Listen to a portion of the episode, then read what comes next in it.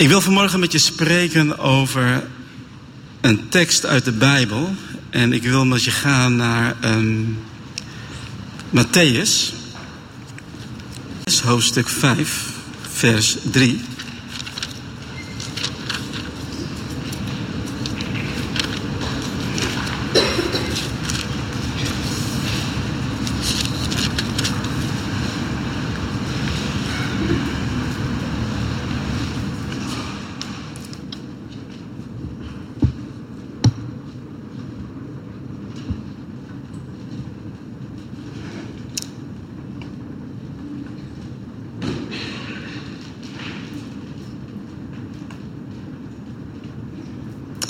Matthäus 5, vers 3. Zalig de armen van geest, want van hen is het koninkrijk der hemelen. Ik wil vanmorgen deze vers even onder uw aandacht gaan brengen. Laten we gaan bidden. Wonderbare Jezus, we, ja, Heer, we houden van u. En uh, u bent zo geweldig groot. En u bent ook zo dichtbij. U bent in het nu. U bent hier. En u wil ons ontmoeten in het nu, in het hier. Help ons in ons denken, in ons hart, om ook hier te zijn om u te ontmoeten. Uw woord zegt, Heer Jezus, waar twee of drie zijn vergaderd in uw naam, ja, daar bent u in ons midden.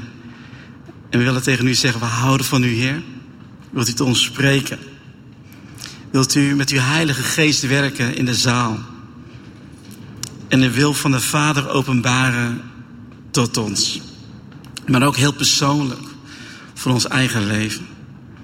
Wilt u, wonderbare Jezus, leren om naar u te kijken. Buiten onszelf, vanuit ons beperkte perspectief wat we vaak hebben op u. Leer ons, heren, om u te zien zoals u werkelijk bent.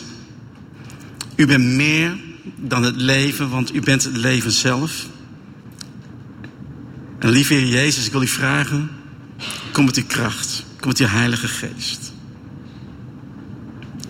Laat deze plek van ontmoeting, heren, een plek van, een plek van aanraking worden.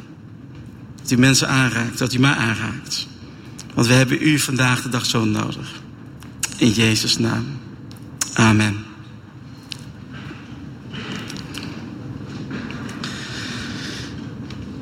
Ik, ik hecht heel veel waarde, lieve mensen, in, in mijn stille tijd.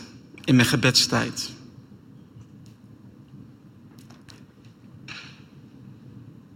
En de reden waarom ik heel veel waarde hecht aan mijn stille tijd, aan mijn gebedstijd, is omdat stille tijd, gebed,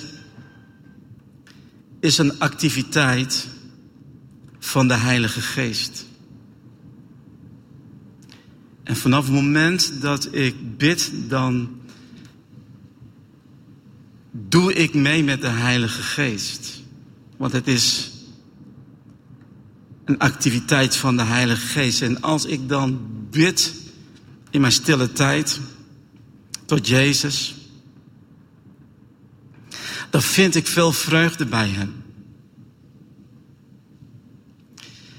Ik vind dan echt veel levensvreugde. Omdat ik alleen kan ontdekken wie ik werkelijk ben als ik in contact kom met Jezus zelf.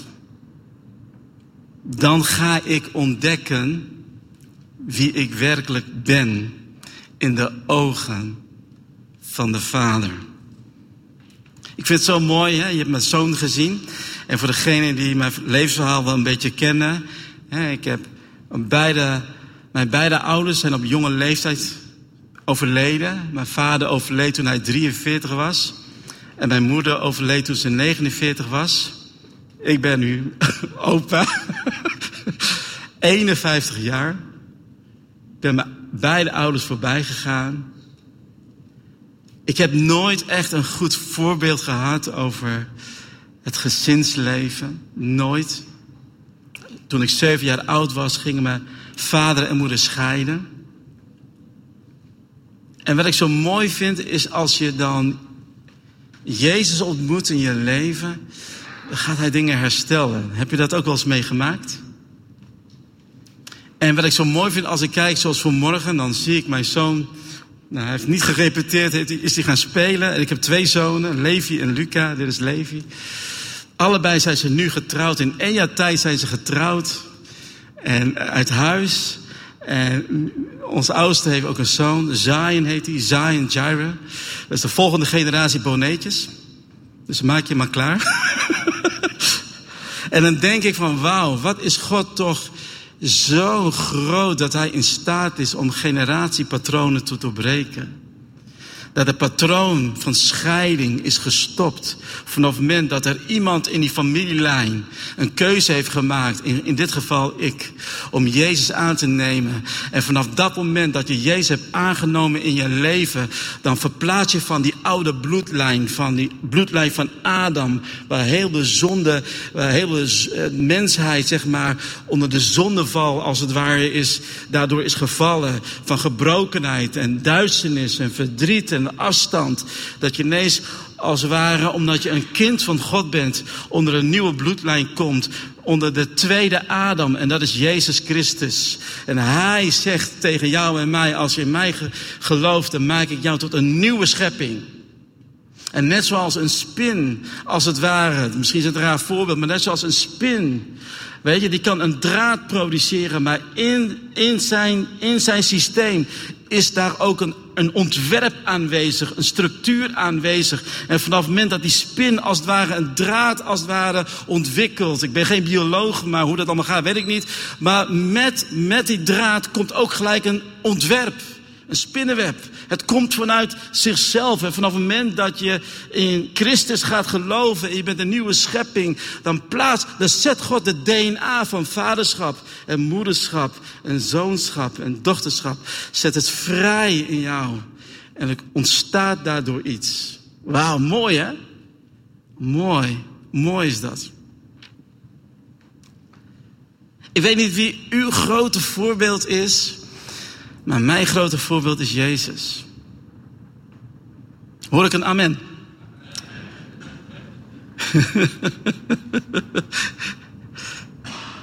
Hem wil ik volgen. Voor Hem wil ik mijn volledige leven inzetten en aan Hem geven. We hebben gelezen uit de bergreden. En de bergreden is niet een, is niet een onderwijs van Jezus met allerlei regels en geboden. Waar, waar Jezus zegt, het zijn allemaal nieuwe wetten wat ik aan je geef. En vanaf het moment dat je een van die wetten overtreedt, dan ben jij een grote zondaar. Nee, wat Jezus daar leert op de berg is hij leert ons wat het karakter is van een volgeling van Jezus. En vanaf het moment dat we luisteren naar de woorden van Jezus op de berg in Galilea, dan mogen wij als volgelingen van Jezus ons spiegelen in de spiegel van Gods woord. En mogen we gaan kijken naar onszelf van passen wij, zien wij en lijken wij en, en is ons karakter zoals Jezus dat omschrijft, hoe een karakter van een volgeling van Jezus zou moeten zijn. Het is soms goed om momenten te creëren in je leven om je af te zonderen voor een bepaalde periode van social media, van allerlei prikkels, Netflix, weet ik veel wat dan ook, TikTok. Ik heb zelf geen TikTok, maar weet ik veel. Maar dat je je voedt alleen door Jezus. Dat je je richt op Jezus. Dat je je mobiel, je computer of je tablet uit jouw slaapkamer doet. Uit jouw slaapkamer doet. En dat je als het ware ervoor zorgt dat voordat je slaapt, dat je gewoon de Bijbel leest. En dat je je gaat spiegelen. Gaat reflecteren met het woord van God.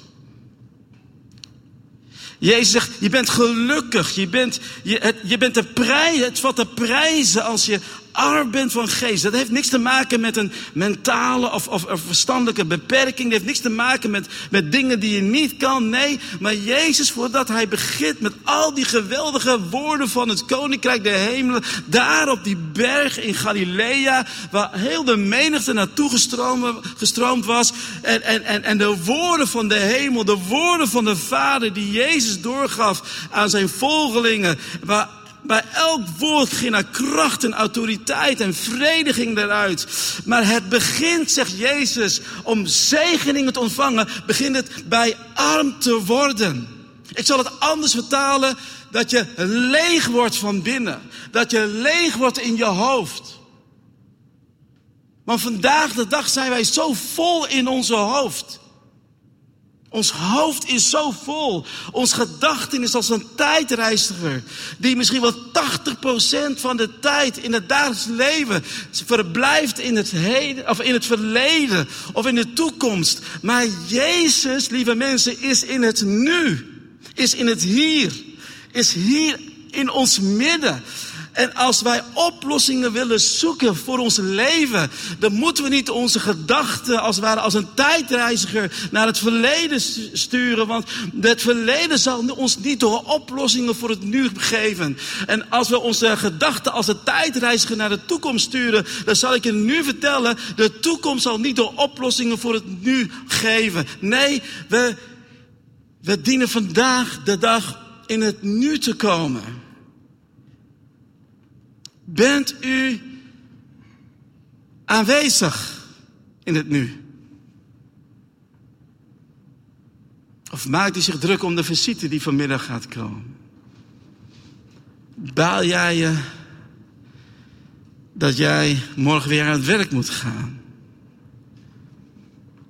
Of zit je super te stressen omdat die eindtentamen komt eraan en je moet nog gigantisch veel hoofdstukken maken? Jezus is in het nu. Maar waar?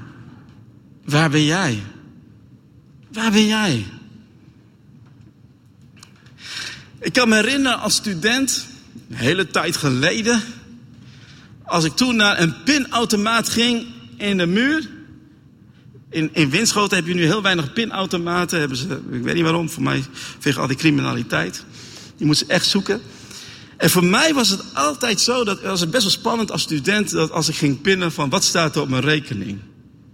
En dan was het echt van oké, ik typ mijn code in.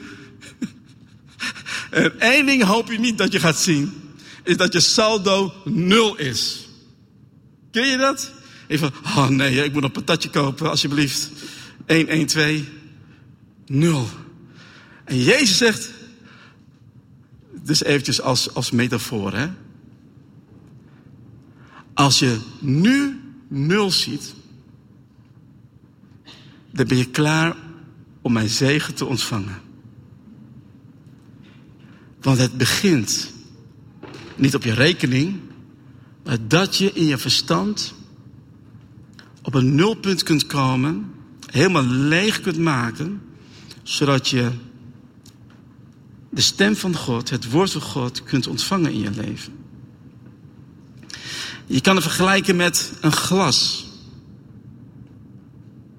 Wat erin komt, hangt af hoe leeg de glas is. En als jij Gods aangezicht zoekt en je hoofd is nog vol van allerlei zorgen en dingen waar je mee te maken hebt, dan kun je maar heel weinig ontvangen. Ik bemerk vandaag de dag dat er heel veel christenen vandaag de dag roofbouw plegen op hun eigen lichaam. De Bijbel leert dat ons lichaam is het tempel van de Heilige Geest. Ja, toch? Dat leert de Bijbel toch? Maar weet je, het is heel gemakkelijk om te zeggen: dit is mijn tempel van de Heilige Geest. Deze dit huid wat je ziet, dit stoffelijk wat je ziet, dat is het tempel van de Heilige Geest. Dat zeggen wij. Nee, dat is Grieks denken. Hebreeuws denken is dit. De tempel van de Heilige Geest is niet alleen mijn lichaam, maar ook mijn identiteit. Ook mijn karakter. ook mijn persoonlijkheid. Dat is ook een tempel van de Heilige Geest. En heel veel christenen vandaag de dag plegen roofbouw op hun eigen tempel. Ik zal je even een stukje wijsheid geven wat ik zelf heb geleerd. Als je geeft, geef dan altijd van je rente en niet van je kapitaal. Want als je van je kapitaal geeft, dan heb je uiteindelijk niks meer om uit te delen. Mijn kapitaal vind ik in mijn, in mijn stille tijd met Jezus. In het verborgene. Daar moet ik leren om nederig te zijn. En nederig is niet hetzelfde als minderwaardig. Nederig betekent, William, je bent waardig, maar je moet niet zoveel bezig zijn met jezelf. Laatst was het Nederlandse Dagblad was bij ons op bezoek geweest voor een, uh, voor een, uh, een rapportage. Een grote katern kwam er in de krant. En ze waren al een aantal keren bij ons op bezoek geweest. En ze kwamen weer. Ik zei, weet je zeker? Weer naar Windschoten. En nou, ze wouden nog een keer ons verhaal horen. En dat in de krant schrijven. En uh, voor mij staat er nog steeds zeg maar op hun website een rapportage van, van onze gemeente in Winschoten. En, en op een gegeven moment vroeg, stelde hij de vraag van William. Hoeveel leden hebben jullie eigenlijk in de gemeente? Even, oh nee, gaan we weer. en toen zei ik tegen die verslaggever. Weet je, ik ga je dat niet vertellen. Hij zei nee, maar hij dacht misschien, ja, maar dat staat mooi bij mijn verhaal als ik ook getallen krijg. En hij zei, maar waarom niet? Waarom, waarom niet? Ik zei, omdat vandaag de dag getallen zo'n dingetje kan worden in christelijk Nederland. Dan gaan ze jouw succes gaan ze afmeten aan aantallen. En dat wil ik niet. Ik weet hoeveel leden we hebben. Maar ik ga het je niet noemen als, ik het, als je het goed vindt. Omdat het gaat niet om aantallen. Bij jou en mij, als kind van God, gaat het niet om aantallen. Maar het gaat erom hoeveel lijk ik op Jezus. Hoe groot zijn de vruchten die ik produceer in mijn leven over Jezus? Hoeveel vertrouw ik op Jezus? Weet je, geloven, dat kunnen we allemaal. Maar vertrouwen betekent dit. Er is een situatie in je leven die je helemaal niet snapt. Die je helemaal geen plek kan geven in je, in je leven. Waar heel veel vraagtekens aan verbonden zijn. En dan komt het niet op geloof. Nee, want geloof betekent, ik geloof dat God bestaat. Maar vertrouwen betekent dat in deze situatie, ook al snapt mijn hersenen het niet, toch vertrouw ik erop dat Jezus nog steeds alles onder controle heeft. Dat is vertrouwen. Vertrouwen betekent, Heer, ook al, ook al heb ik het gevoel dat ik op dit moment eventjes niet weet waar de weg naartoe leidt, maar toch vertrouw ik erop dat u de regie heeft over mijn leven en ik blijf in u als ware vertrouwen, ik blijf in u wandelen en ik blijf van u uh, de dingen doen die u vraagt om te doen. Dat is vertrouwen. Arm van geest betekent letterlijk dat meer Jezus aanwezig is in je denken, in je hart, maar ook in je ziel. Ook in je, in je verstand, ook in je gedachten. Als ik het druk heb in mijn hoofd, weet je wat ik doe? Dan ga ik teksten, ga ik uitspreken in mijn gedachtenleven, in mijn denken. Soms doe ik het niet eens hardop. Ik gebruik niet eens mijn stembanden ervoor. Nee, maar als er druk is in mijn hoofd, wat ik doe, dan pak ik een tekst.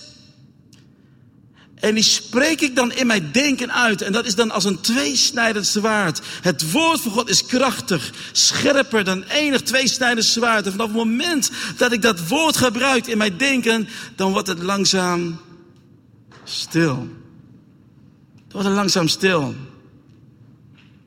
En hoe fantastisch en hoe heerlijk is het dat het maakt je uit op waar je je bevindt, hoe het met je gaat, hoe druk het om je heen is,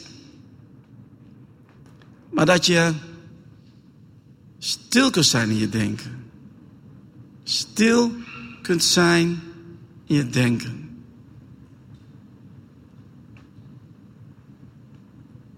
Arm van geest, wat ik zo bijzonder vind, is dat wil je de zegen van God ontvangen, dan moet je leeg zijn van jezelf, zodat God jou kan vullen met zijn tegenwoordigheid. En Exodus 20, vers 3 zegt, zegt uh, Mozes tegen het volk, dan ontvangt hij de woorden van God. En er staat in Exodus 20, vers 3, u zult geen andere goden voor mijn aangezicht hebben. Met andere woorden, wat God hier zegt, als eerste op de berg in, de, in Sina, eh, als, eh, de berg Sinai in de woestijn aan het Joodse volk, is je zult geen, geen afgod voor mijn aangezicht hebben.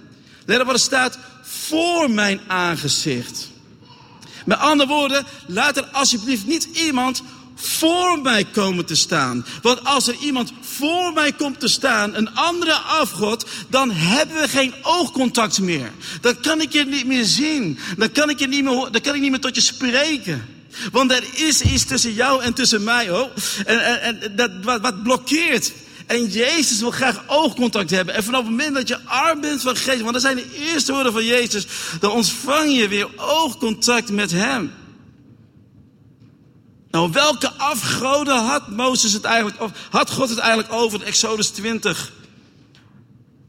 Een van de afgoden die tussen het volk Israël en God zou kunnen staan, waardoor er geen contact meer, geen oogcontact meer kan, kon komen, is onder andere als je kijkt naar al die afgoden in de dagen van, in die dagen van Israël in de woestijn. Je had bijvoorbeeld de Baal. Baal is de god van van een macht. Of van controle. Het is hoe je dat noemt. Of dacht je van een andere afgod die de heidenwereld als het ware aanbad, was namelijk Astartes. Dat is God van het genot.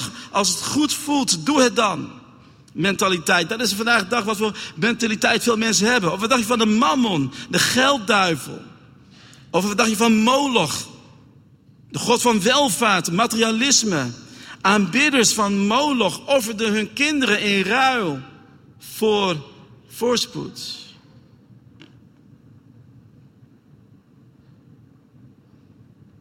We zien vandaag dag generaties geofferd worden op het altaar van Moloch in ruil voor voorspoed.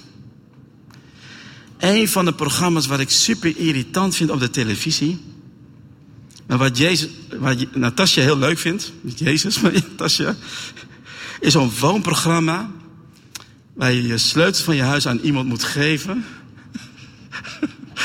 en dan komen ze bij je huis en gaan ze je hele huis verbouwen. Ze vindt dat zo mooi. Even, oh, daar gaan we weer. Maar die mensen, wat ze doen, ze geven een sleutel aan, aan het woonprogramma en aan zo'n bekende architect. En ze gaan ze een paar dagen weg en dan komen ze terug. En dan is het huis helemaal gerestyled. En de reden waarom ze dat doen is omdat ze een blind vertrouwen hebben in de ontwerper, in de architect, in de binnenhuisarchitect. Maar mijn vraag voor morgen is: ben jij bereid om de sleutels van je hart in te leveren bij Jezus. Om te zeggen, Jezus, hier hebt u de sleutels van mijn hart. U mag ermee doen, mijn hart. Wat u ermee wilt doen. Ben je bereid om dat te doen? Weet je, ben je bereid om, om Jezus alle kamers van je huis te laten zien? Of alleen maar de woonkamer? Mag ook de schuur zien, de badkamer, de zolder. Ben je bereid om. Weet je, Jezus komt niet als te gast in je, in je huis. Nee, hij gaat zelfs verder. Hij wil in jou wonen. In elke kamer van je hart. De vorige keer wat ik ook al zei, volgens mij, ik weet het niet, ik, ik, ik spreek in verschillende gemeenten, maar weet je wat ik zo, wat mij raakt vandaag de dag, als ik kijk in evangelisch en Pinkster in Nederland, in onze omgeving, er gebeuren heel veel dingen. Heel veel activisme. Er worden heel veel dingen georganiseerd. Door gelovigen, door kerken, door christelijke organisaties. Er wordt heel veel, heel veel activisme. Maar ik zie zo weinig Jezus. Vandaag de dag. Er wordt heel veel dingen gezegd. Maar mensen praten hoofdzakelijk over zichzelf. Over prestaties. Over aantallen.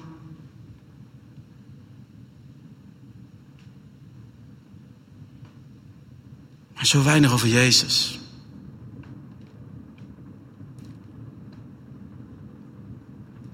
De vrucht van de geest is liefde, blijdschap, vrede, geduld, vriendelijkheid, goedheid, geloof, zachtmoedigheid en zelfbeheersing. De Bijbel zegt in Galaten 5, vers 22, vers 24 en 25. Als wij door de geest leven, laten we dan ook door de geest wandelen. We kennen allemaal de vijf talen van de liefde. Aanraking, tijd geven, cadeaus, bemoedigende woorden geven, hulpvaardigheid. Wat is jouw taal van de liefde? Wat is jouw liefdestaal? Weet je wat de liefdestaal is van de Heilige Geest? God de Vader gehoorzaam. Dat is de liefdestaal van de Heilige Geest. God de Vader gehoorzaam. Jezus volgen. Jezus aanraken. Bij Jezus zijn is de liefdestaal van de Heilige Geest. Ik heb in Oost-Groningen gezegd, de Heilige Geest komt altijd van rechts. Het heeft altijd voorrang. De liefdestaal van de Heilige Geest is dicht bij Jezus zijn. Mijn gebed van morgen is, is zoals Jacobus 2 vers 17 zegt, zo is ook het geloof als het geen werken heeft in zichzelf dood. Mijn gebed van morgen is dat je zo arm bent van geest, dat je zo leeg kunt maken van binnen, zodat Jezus je volledig vol kan maken. weet je, als je een ballon vult met helium, dan stijgt die ballon op. Helium kun je niet zien. Kun je niet, als het ware, de stof kun je als het ware niet met het blote oog zien. Maar vanaf het moment dat een ballon gevuld wordt met helium, dan stijgt die ballon. En dan ziet men wat, er, wat, wat de kracht is van helium. Ballon is gewoon een ruimte waardoor helium tot uiting komt. En zo is het ook met jouw leven en met mijn leven. Als er wordt vervuld met de Heilige Geest, dan komt Jezus wat steeds meer zichtbaar door ons heen. Ik wil je vanmorgen uitnodigen. Ik hoop dat het jouw verlangen vanmorgen, en ik geloof dat het het verlangen is van iedereen, de veel mensen is, Heer, veel mij opnieuw. Ik bid vanmorgen dat je in de eerste plaats, voordat je dat bidt, dat je niet langs vers 3 gaat, waarin Jezus zegt, oké, dat is prima, maar wil jij je eerst leegmaken? Wil jij jouw probleem toevertrouwen in mijn handen? Wat het ook is. Wat het ook is. Ik zeg niet dat je het volledig moet loslaten. Bepaalde pijnen en wonden moet je niet loslaten. Maar moet je leren in de kracht van de Heilige Geest om het op een andere, andere manier te gaan vasthouden. En vanaf het moment dat je het leert om op een andere manier vast te houden, krijgt de geest ook meer ruimte in je leven. Ik wil uh, de worship team vragen om naar voren te komen.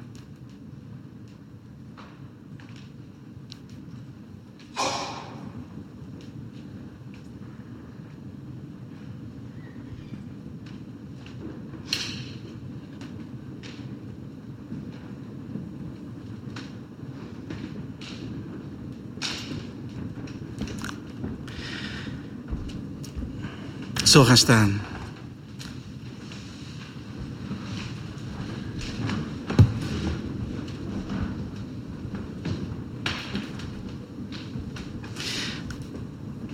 Weet je, ik weet nog goed hoe ik, um, ik, ik uh, voordat ik uh, voorganger werd, uh, zat ik in het bedrijfsleven. En onze jongste zoon Luca was toen een baby. En weet je, als je ouder wordt, niet dat ik zo super oud ben, maar je denkt dan over, over het leven na en waar je doorheen gaat. En ik had er laatst met een tasje over van, hey, waarom kan ik de eerste, eerst, bijna de eerste jaar van onze, van onze jongste zoon, toen hij baby was, bijna niks, niks herinneren. En het tasje, nou, die hielp mij gewoon om te reflecteren. En toen vroeg ze van, wat deed je toen eigenlijk in die periode? En toen dachten we erover na. En wat bleek nou? Ik, ik zat in het bedrijfsleven, ik moest een hele grote reorganisatie leiden. Ik werkte 72 uur in de week om een reorganisatie te leiden in een groot bedrijf. Maar mijn hoofd, en dit is eventjes de les die die ik heb geleerd, was zo vol dat ik bijna niks meer van de eerste jaar van onze jongste zoon kan herinneren. Omdat fysiek was ik wel thuis, kwam ik wel thuis. Maar in mijn hoofd, in mijn hoofd was ik aanwezig. Je kunt fysiek hier aanwezig zijn. Maar je gedachte kan als een tijdreiziger zijn en afdwalen naar het verleden. En daarom wil ik je gewoon op dit moment roepen in de naam van Jezus. Om Jezus te ontmoeten hier in het nu. Laten we onze ogen sluiten. Ik wil gaan bidden. En daarna wil ik het overgeven.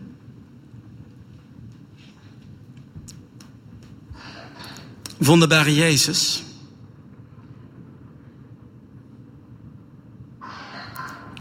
De Bijbel leert elke keer weer als iemand in de Bijbel u ontmoet.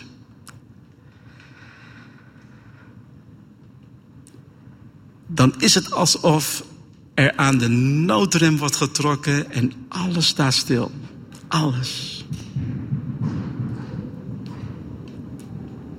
Heer, dan lijkt het alsof er als het ware een, einde komt aan een weg een oude weg misschien van drukte, gejaagdheid en gehaastheid. En dan ontmoeten we u. En in dat ontmoeten Jezus wilt u ons een nieuwe weg laten zien. Zoals u deed bij Israël in de woestijn. U leerde hen in de woestijn om tot rust te komen.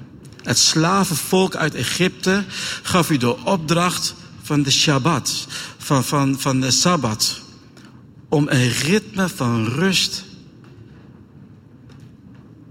tot een gewoonte te maken, zodat we u mogen ontmoeten. Heren, ik kan niet door mensen heen kijken, maar u wel, wonderbare Jezus. En als we morgen hier zo zijn, een reflectiemoment hebben in de Heilige Geest en u spreekt, wilt u dan laten zien en misschien komt u met een confronterende vraag. De vraag, waarom is je hoofd zo vol? Maak het leeg. Waarom pleeg je roofbouw over, over je eigen lichaam? Maak het leeg.